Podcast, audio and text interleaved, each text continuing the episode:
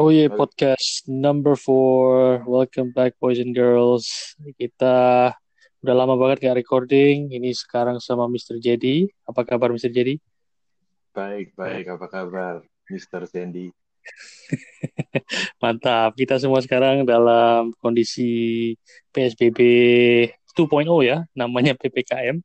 Jadi kita lagi recording di rumah. Ya moga-moga audio nggak terlalu jelek lah Ya, kita sekarang uh, mau bahas apa nih, Bung? Betul, tadi apa namanya PPK PPKN. Ya, PPKM sekarang namanya. Bukan PSBB loh sekarang sudah PPKM. Indo ini memang paling paling jago deh kalau bikin singkatan-singkatan. Betul, setuju. PSBB, PPKM, apa coba bedanya? O OTG, ada yang namanya OTG itu juga.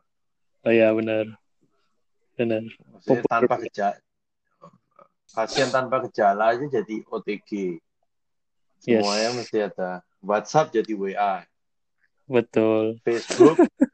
Facebook FB FB memang WhatsApp. paling WhatsApp WA kan? Iya mantap lah. Memang orang Indo paling jago nih kayaknya kalau bikin-bikin kayak gitu. Lu tahu dulu kalau pasien tanpa gejala PTG mungkin ya OD, ODP, orang dalam pengawas, ya kan? Beda iya, lagi kan? Semua semua di, diberi singkatan. Kalau Indo itu emang kalau saya amati memang seperti itu, Bung. Mantap. Ya memang kita sekarang semua dalam kondisi pandemi, tapi ini kayaknya Mr. Jedi punya pandangan tersendiri nih terhadap pandemi. Gimana nih, Bung? Aduh, ini terkonspirasi lagi nih. of course kita kan open your eyes ya. Kita di sini kontennya memang me menggelitik ya. So, pasti ke arah-arah konspirasi juga. Ya, jadi um, hmm. waktu um, beberapa minggu kemarin gue hmm. sempat baca-baca gitu apa yang terjadi hmm. di tahun 1918 sampai 1920 itu ada namanya Spanish, Spanish flu. flu. Betul. Dan kalau hmm. dipikir-pikir lagi itu mirip sekali gitu loh. Hmm, oke. Okay. Cuman 100 tahun kemudian. Jadi alur ceritanya hmm. mirip. Tahun sebelum sebelum ada Spanish flu, itu hmm. perang dunia pertama. World War One. Oke. Okay. Hmm. Dan ingat ya, beberapa dua tiga tahun yang lalu seluruh berita bicara hmm. tentang apa? Trade war, trade war. Mungkin itu perang dunia tiga kita. Perang dunia tiga kita itu trade war gitu, antara timur dan negara timur dan negara barat. Dan di, kalau dulu 100 tahun yang lalu Perang Dunia Satu disusul oleh Spanish Flu. Kali ini Perang Dunia uh, Perang Perdagangan disusul oleh COVID. Ya, uh, jadi lu bicara perang perdagangan ini antara China dengan US, betul? Betul. Hmm, nah, oke oke oke. Kalau kita paralelkan ya, kita paralelkan. Hmm. Ya, tahun hmm. dulu Perang Dunia Pertama disusul dengan pandemi. Hmm. Hmm. hmm. Betul, 100 tahun kemudian betul. perang perdagangan disusul oleh pandemi juga. Oke, jadi jadi gue membaca lu sekarang menyamakan skenario ini dengan 100 tahun yang lalu gitu. Konspirasinya sih begitu. Konspirasi, oke. Okay. oke. Okay. Nah, Dan kenapa kok mm -hmm. gua terus dari dulu bilang mm -hmm. kalau kita optimis saja uh, di tengah pandemi. Yang penting kita uh, pakai masker, jaga jarak, mm -hmm. jaga kebersihan gitu kan, kita mm -hmm. kerumunan. Karena men karena kalau kita lihat ke sejarah, history itu kan ya, Mm-hmm. Kan bisa learn, kita learn dari history. Satu tahun yang lalu, setelah pandemi yang terjadi adalah economic and lifestyle prosperity. Hmm, oke. Okay. Ini yang disebut dengan uh, economic roar, betul ya? Betul. Uh, istilahnya roar. itu roaring roaring twenties. I see. Oke, okay. bukan economic roar, roaring twenties. Itu itu mengacu pada setelah pandemi perekonomian mengalami boost ya. Maksudnya begitu ya, Bang? Betul. Jadi setelah pandemi orang-orang sudah capek di rumah uh, isolasi. Mereka hmm. mereka belanja, mereka spending, mereka nonton film, mereka nonton musik festival. Hmm. Hmm. Dan juga karena adanya pandemi, pemerintah memberikan suntikan dana dan investasi ke segala macam aktivitas ekonomi. Hmm, yang terjadi betul. itu manufacturing meningkat, pabrik-pabrik buka, um, hmm. hotel, pesawat ditemukan, musik, hmm. jazz, apa semua itu banyak sekali penemuan-penemuan itu terjadi di tahun 1920. Hmm, setelah terjadinya pandemik Spanish flu Betul. yang uh, waktu itu juga merenggut banyak banget nyawa. Kalau nggak salah jauh lebih mematikan ya daripada COVID ini, benar nggak? Betul. Hmm, oke. Okay. Nah, jadi kalau lu ingat kita terakhir kali podcast uh, judul kita adalah recession, true or false. Dan sekarang uh, di berita-berita belakangan kita menemukan malah pasar-pasar perekonomian ini mengalami kenaikan tertinggi selama selama berapa tahun terakhir. Itu menurut lu gimana, Mister Jadi? Ya itu sudah sudah salah, salah uh, bagian dari dari skrip ya, bagian dari skenario. Jadi kalau yeah. mama hmm. hidup kita ini sebuah drama atau sebuah opera sabun, Hmm. Ya hmm. itu salah satu skrip di mana hmm. uh, ada puncak dan itu ya apa hmm. uh, peak and valley ya peak and valley. Yeah. Hmm, hmm, hmm. Pada tiga tiga bulan yang lalu tentu saja media itu pas ingin membicarakan tentang valley gitu. Kalau depression Betul. semuanya buruk. Betul, doom and gloom ya. Kita tiga bulan lalu kayaknya hancur semua deh kayaknya. Betul. Dan, hmm. dan siapa pun yang mendengarkan mainstream media biasanya hmm. salah. Sekarang lihat aja, kita kembali aja ke bulan Januari. Okay. Januari, Februari itu sudah banyak yang mulai panik tentang COVID. Mm -hmm. Mm bilang ini sudah saatnya lockdown itu. Tapi mm -hmm. mainstream media bilang, oh WHO bilang tidak ada apa-apa. Mm. Nyatanya salah kan, mainstream media. Betul, iya. Lalu uh, bulan April, Maret, April, hmm. mainstream media bilang jangan tidak ada gunanya pakai masker. Betul, betul. Ya, saya Lalu, ingat itu waktu itu berita itu muncul dari WHO ya, dari direktur WHO kalau nggak salah mengatakan uh, tidak perlu pakai masker kalau nggak salah waktu itu. Gila ya, benar. Lalu dua dua tiga bulan kemudian mereka mengaku salah. Yep, Jadi betul. kalau dilihat mainstream media itu sukanya seperti itu. Pertama kali bilang A nanti dibenarkan, salah dibenarkan, salah dibenarkan. Dan Sekarang dan sama, itu sama semua nggak ada nggak ada istilahnya punishment ya. Mereka cuma, eh sorry bro salah salah omong gua ternyata salah info sorry ya udah kelar bro. Setelah itu semua media juga diem aja tuh nggak ada yang kayak Ya ada sih yang ngebes uh, WHO, cuma kayaknya nggak terlalu kedengeran juga. Mereka juga eksis-eksis saja sampai sekarang. Bener ya? Bener ya, cuman beberapa pihak yang sadar saja sudah sudah sadar aja gitu. Yang udah iya, sadar ya, kayak... mereka hmm. akan nggak sudah open their eyes open kan. Kalau WHO itu sudah nggak hmm. bukan nggak bisa 100% dipercaya lagi. Hmm. Ya. Hmm.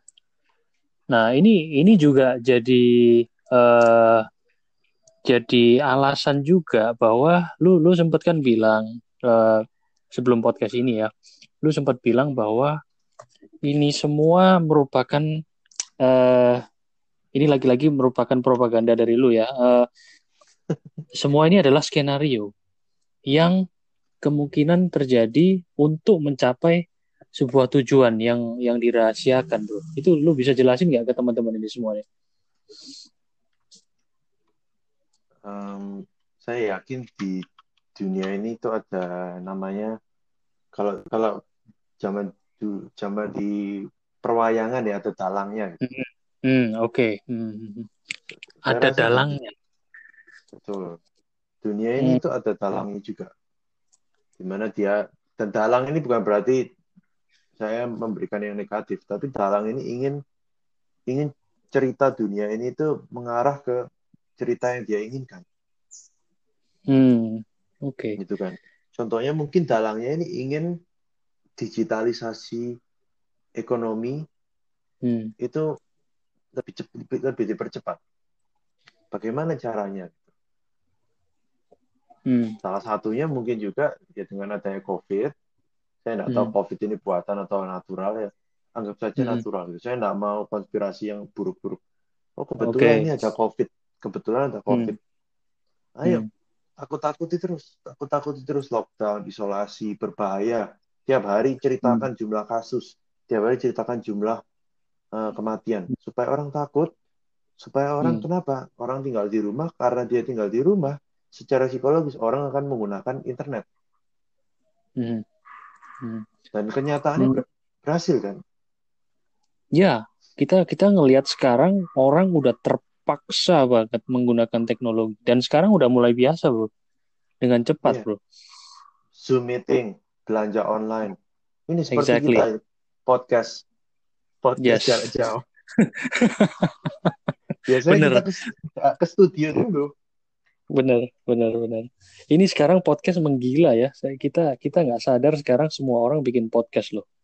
Dan Betul. ini salah satu bentuk uh, yang lu bilang digitalization yang dipaksa dan dan Betul. dan orang-orang tidak sadar ternyata sekarang hidupnya sangat bergantung sama handphone, sangat bergantung sama internet, apa pun Betul. itu, iya kan?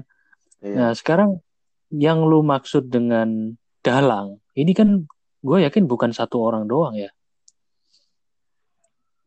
ya mungkin beberapa orang mungkin satu saya, saya juga kurang tahu yang pak tapi saya saya saya yakin kalau gue yakin nih hmm. kalau misalnya ada lah pasti ada dalang dan dalangnya hmm. ini mungkin saya bermaksud baik gitu loh Oke, okay. kan? bukan berarti dalang ini evil yang bukan. mau menghancurkan dunia menguasai juga bukan juga ya. Oke. Okay. Bisa Sekarang, jadi ya. Saya hmm. pernah dengar cerita nih dari salah satu bilioner. Dia bilang okay dunia ini dia percaya ini juga percaya kalau dunia hmm. ini ada dalangnya puppet hmm. master mereka yang pulling the strings contohnya okay. tahun tahun 19 1900 dalangnya hmm. ini percaya kalau dunia ini harus harus bergantung dengan oil dengan minyak minyak oke okay. hmm. makanya semua perusahaan-perusahaan terbesar semua orang-orang terkaya semuanya kan dulu di minyak kan hmm. karena dalangnya percaya itu dunia ini harus berjalan dengan minyak Hmm, Bukan berarti hmm. dia jahat gitu. Kalau sekarang kalau pikir kalau misalnya nggak kita nggak menggunakan minyak, kita menggunakan hmm. oil, kita mau nyalain AC gimana? Gitu kita mau nyala di eh, negara-negara barat mau kedinginan mau nyalain heater juga nggak bisa.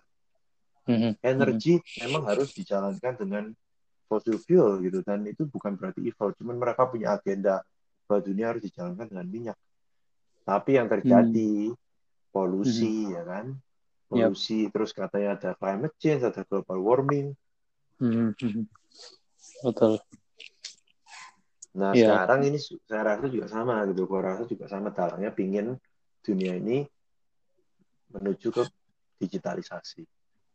Hmm, digitalisasi dengan cepat ya. Nih kebetulan nih ada pandemi namanya covid. Jadi uh, menurut lo ini digunakan oleh pihak-pihak tertentu, sekelompok orang tertentu yang akan benefit ya. Pastinya mereka akan benefit ya bro. Dari dari dari kejadian ini mereka pasti udah siapin dulu dong uh, digitalisasi uh, digitalisasi uh, perusahaan-perusahaan digitalisasi yang mereka kuasai. Baru ini terjadi supaya mereka mendapatkan keuntungan menguasain juga kan. Maksudnya mereka kan begitu dong. Kan nggak mungkin juga mereka melakukan ini tanpa iming-iming mau ini ya mau memperkaya diri sendiri juga nggak mungkin lah mereka juga ambil keuntungan dong dari sini. Um, kalau itu saya gua gua kurang berani hmm. itu ya uh, spekulasi hmm. cuman hmm. mereka mungkin agenda percaya kalau dunia ini harus jalan di digitalisasi hmm. gitu dan mereka sudah yakin mereka hmm. sudah menguasai media gitu mereka sudah menguasai media karena kalau kita lihat aja Washington Post yang punya hmm. Amazon Time Magazine okay. yang punya juga perusahaan namanya Salesforce. Hmm. Hmm. New York Times, Bloomberg yang hmm. punya juga sudah sudah sudah dikontrol. Semua media-media yang terbesar itu sudah sudah dikontrol oleh para para uh, orang-orang dengan yang kuat.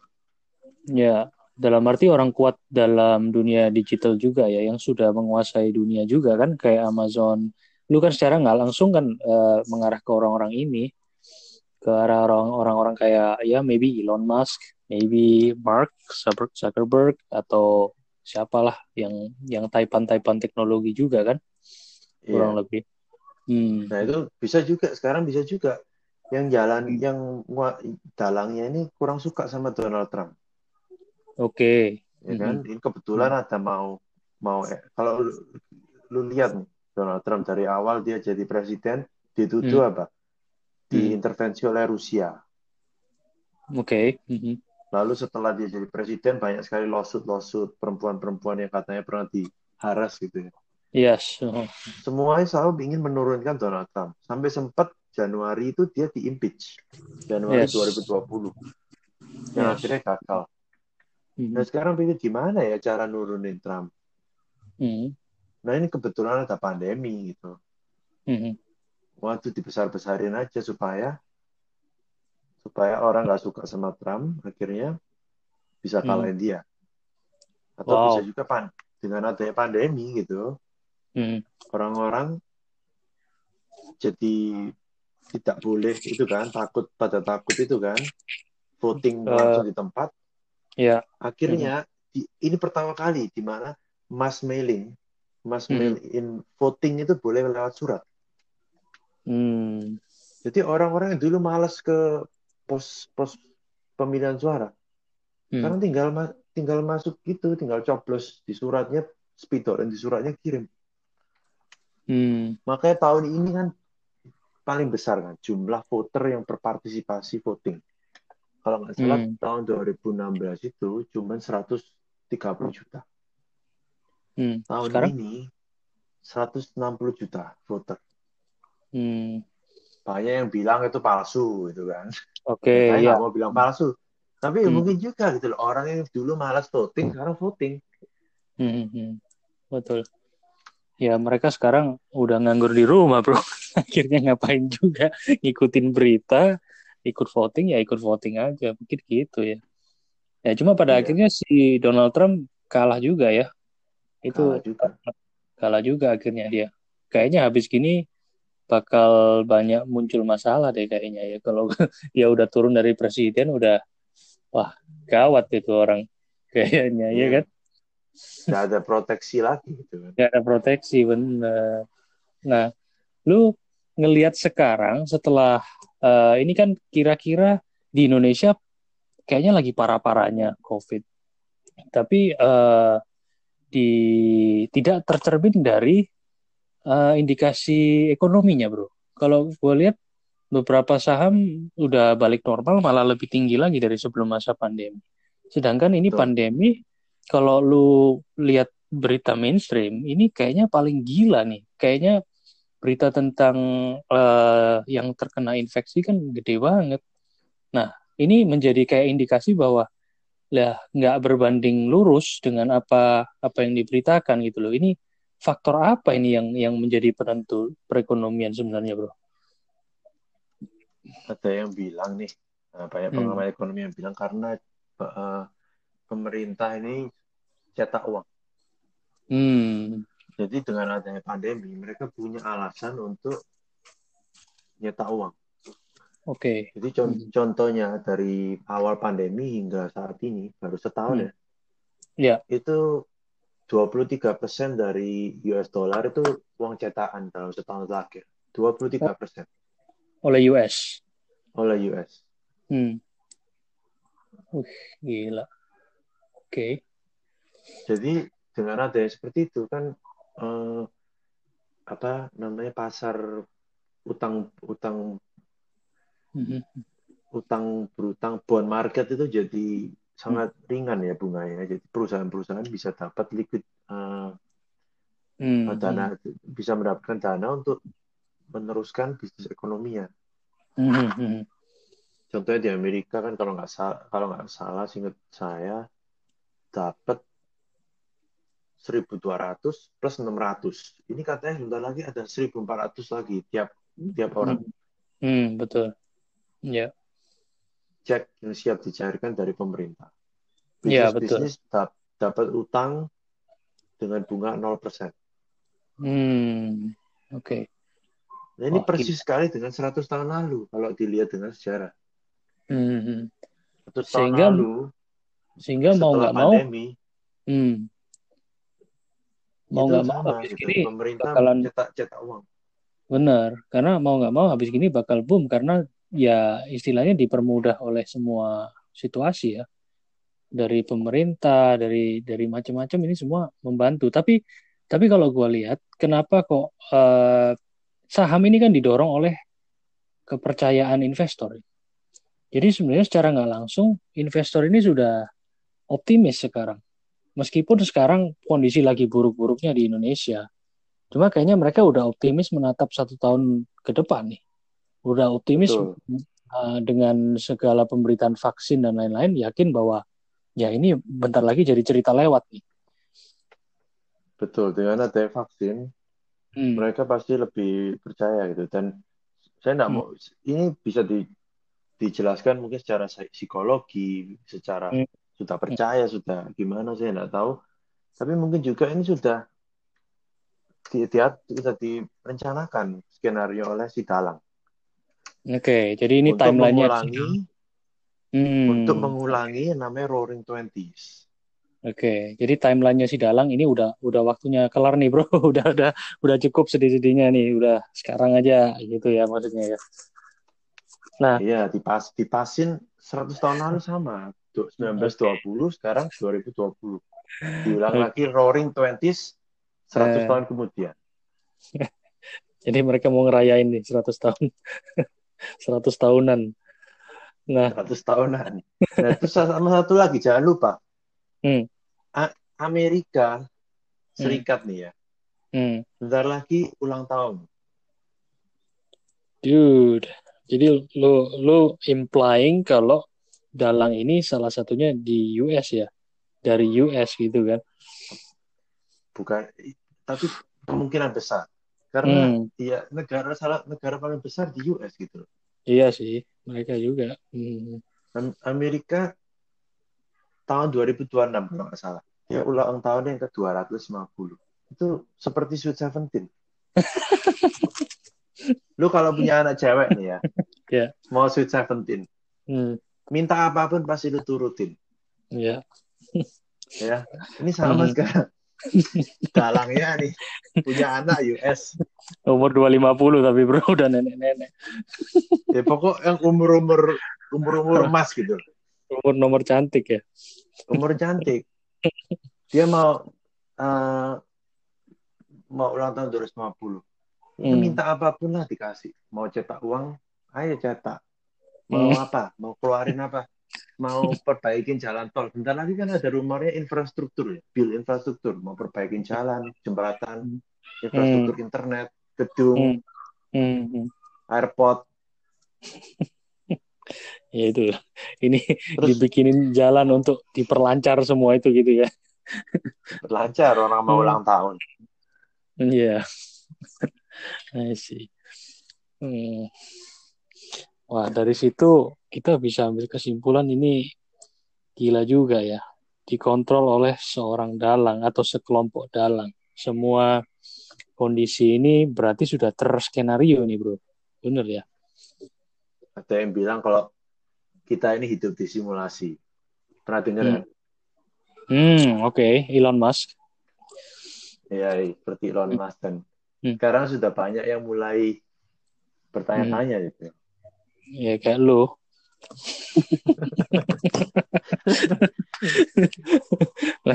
Jadi gimana maka hidup makanya ini open your eyes.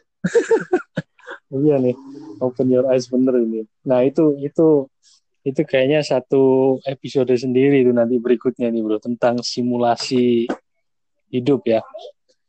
Jadi tentang simulasi lu, ini panjang ini pasti. Ya, ini. Nah, nanti kita bahas panjang lagi deh. Cuman ya, hmm. cuman untuk pembuka aja. Pernah nggak sih hmm. tak tahu tahun 1930 kalau nggak salah ada penulis buku Jerman namanya hmm. agak lupa gua winner winner von siapa gitu dia okay. menulis buku tentang tentang planet Mars. Hmm.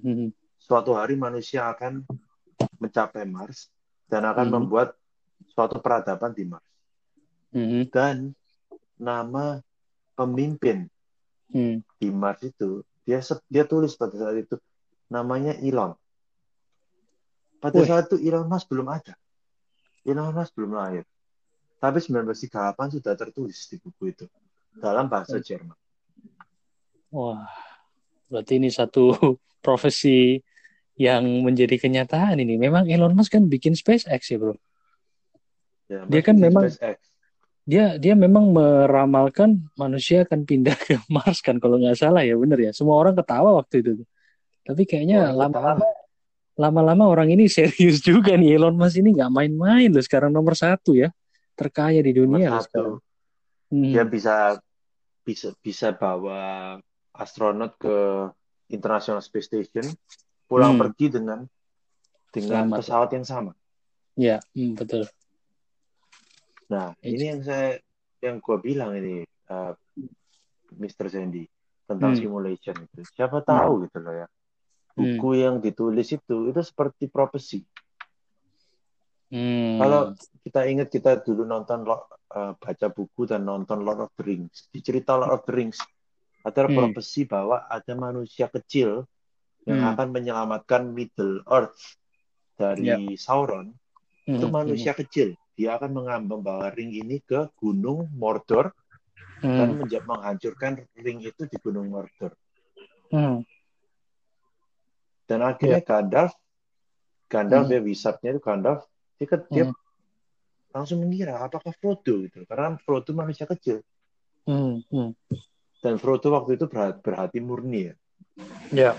Sesuai dengan ramalan itu. Hmm. Hmm. Nah ini iya. makanya yeah. kenapa banyak yang bilang kita ini mungkin disimulasi. Karena hmm. ada ramalan bahwa manusia akan ke Mars dan pemimpinnya adalah Elon. Ya. Wah gila. Ini menarik banget. menarik banget bro. Tapi kita akan bahas mungkin di episode tersendiri itu kayaknya bakal panjang itu. nah kali ini jadi kita udah bahas masalah uh, pandemik kurang lebih. Ya kita di episode lalu udah uh, membahas tentang resesi yang dikarenakan pandemi tapi sekarang kita kayaknya lebih ngelihat uh, jauh setelah pandemi. Jadi uh, di balik pandemi setelah pandemi seperti apa dan ini uh, Mr. Jadi pun mengatakan sepertinya sejarah bakal terulang dengan adanya Roaring Twenties ya. Tapi kali ini bukan 1920 tapi 2020-an ya moga-moga aja lah kita kita bisa semua merasakan uh, Roaring Twenties ini kembali ya. Amin ya bro ya. Nah, pernah tanya nggak apa yang terjadi setelah Roaring Twenties? Oke, okay. what what what happened? Yang terjadi the biggest debt recession in the history of the world. Jadi setelah Roaring, depression. Lu depression. 19 1929 the Great Depression. Hmm terjadi 9 tahun setelah Roaring Twenties. Karena pemerintah terus cetak uang, pemerintah terus subsidi. Hmm. Jadi akhirnya teledor gitu. Suatu hari ada nggak tahu ada apa, yang pasti terjadi. Hmm. Saya kurang, saya mungkin mesti harus baca istri lagi. Cuma yang pasti 2019, 29, 9 tahun setelah Roaring hmm. Twenties itu the Great Depression. Dan ini lagi nih, hmm. misalnya kalau diamati ya, kenapa kok yang namanya resesi dan depresi terjadinya di angka 9. Hmm. 2009 okay. financial crisis. Mm -hmm. 2009. 1998, 1999 ingat nggak? Benar. Uh. Southeast Asia crisis. Mm -hmm. Ya. Yeah. Hmm, antara 8 sama 9 ya. Oke. Okay. Antara 8 sama 9 itu sering terjadi hmm. krisis. Ya benernya kalau kita bisa prediksi gini ya enak juga ya bro ya waktu-waktu resesi kalau kita bisa tahu jauh-jauh hari kan lebih hati-hati ya.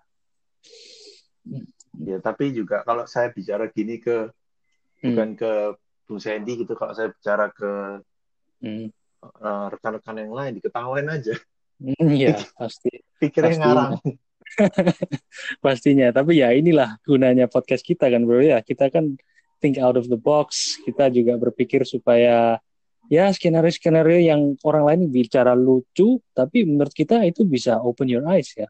Ya itu kita nggak boleh nggak boleh abaikan loh. Kita harus bahas lah, ya kan? Ya, iya.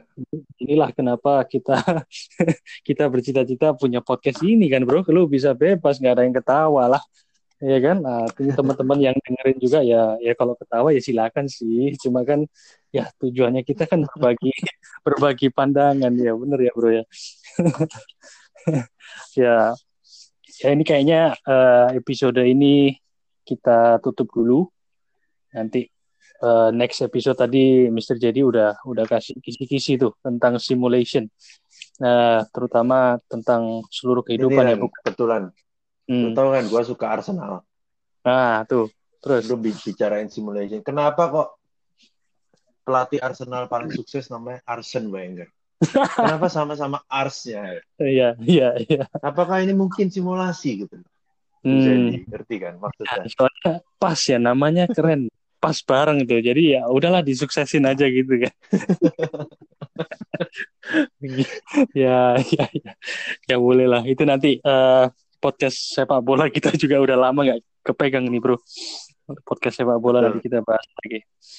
Ya oke, okay. sementara kita akhiri dulu podcast. Uh, sampai jumpa di podcast berikutnya ya, Mister Jadi. Oke, okay. jangan okay. lama-lama. Oh iya, sudah benar. Sudah, benar. Udah pingin keluarin semua ini. udah mau tumpah nih. Iya iya. Oke deh, semuanya salam ya. Oke. Okay. Oke, siap-siap selalu. Sehat selalu. Sandy.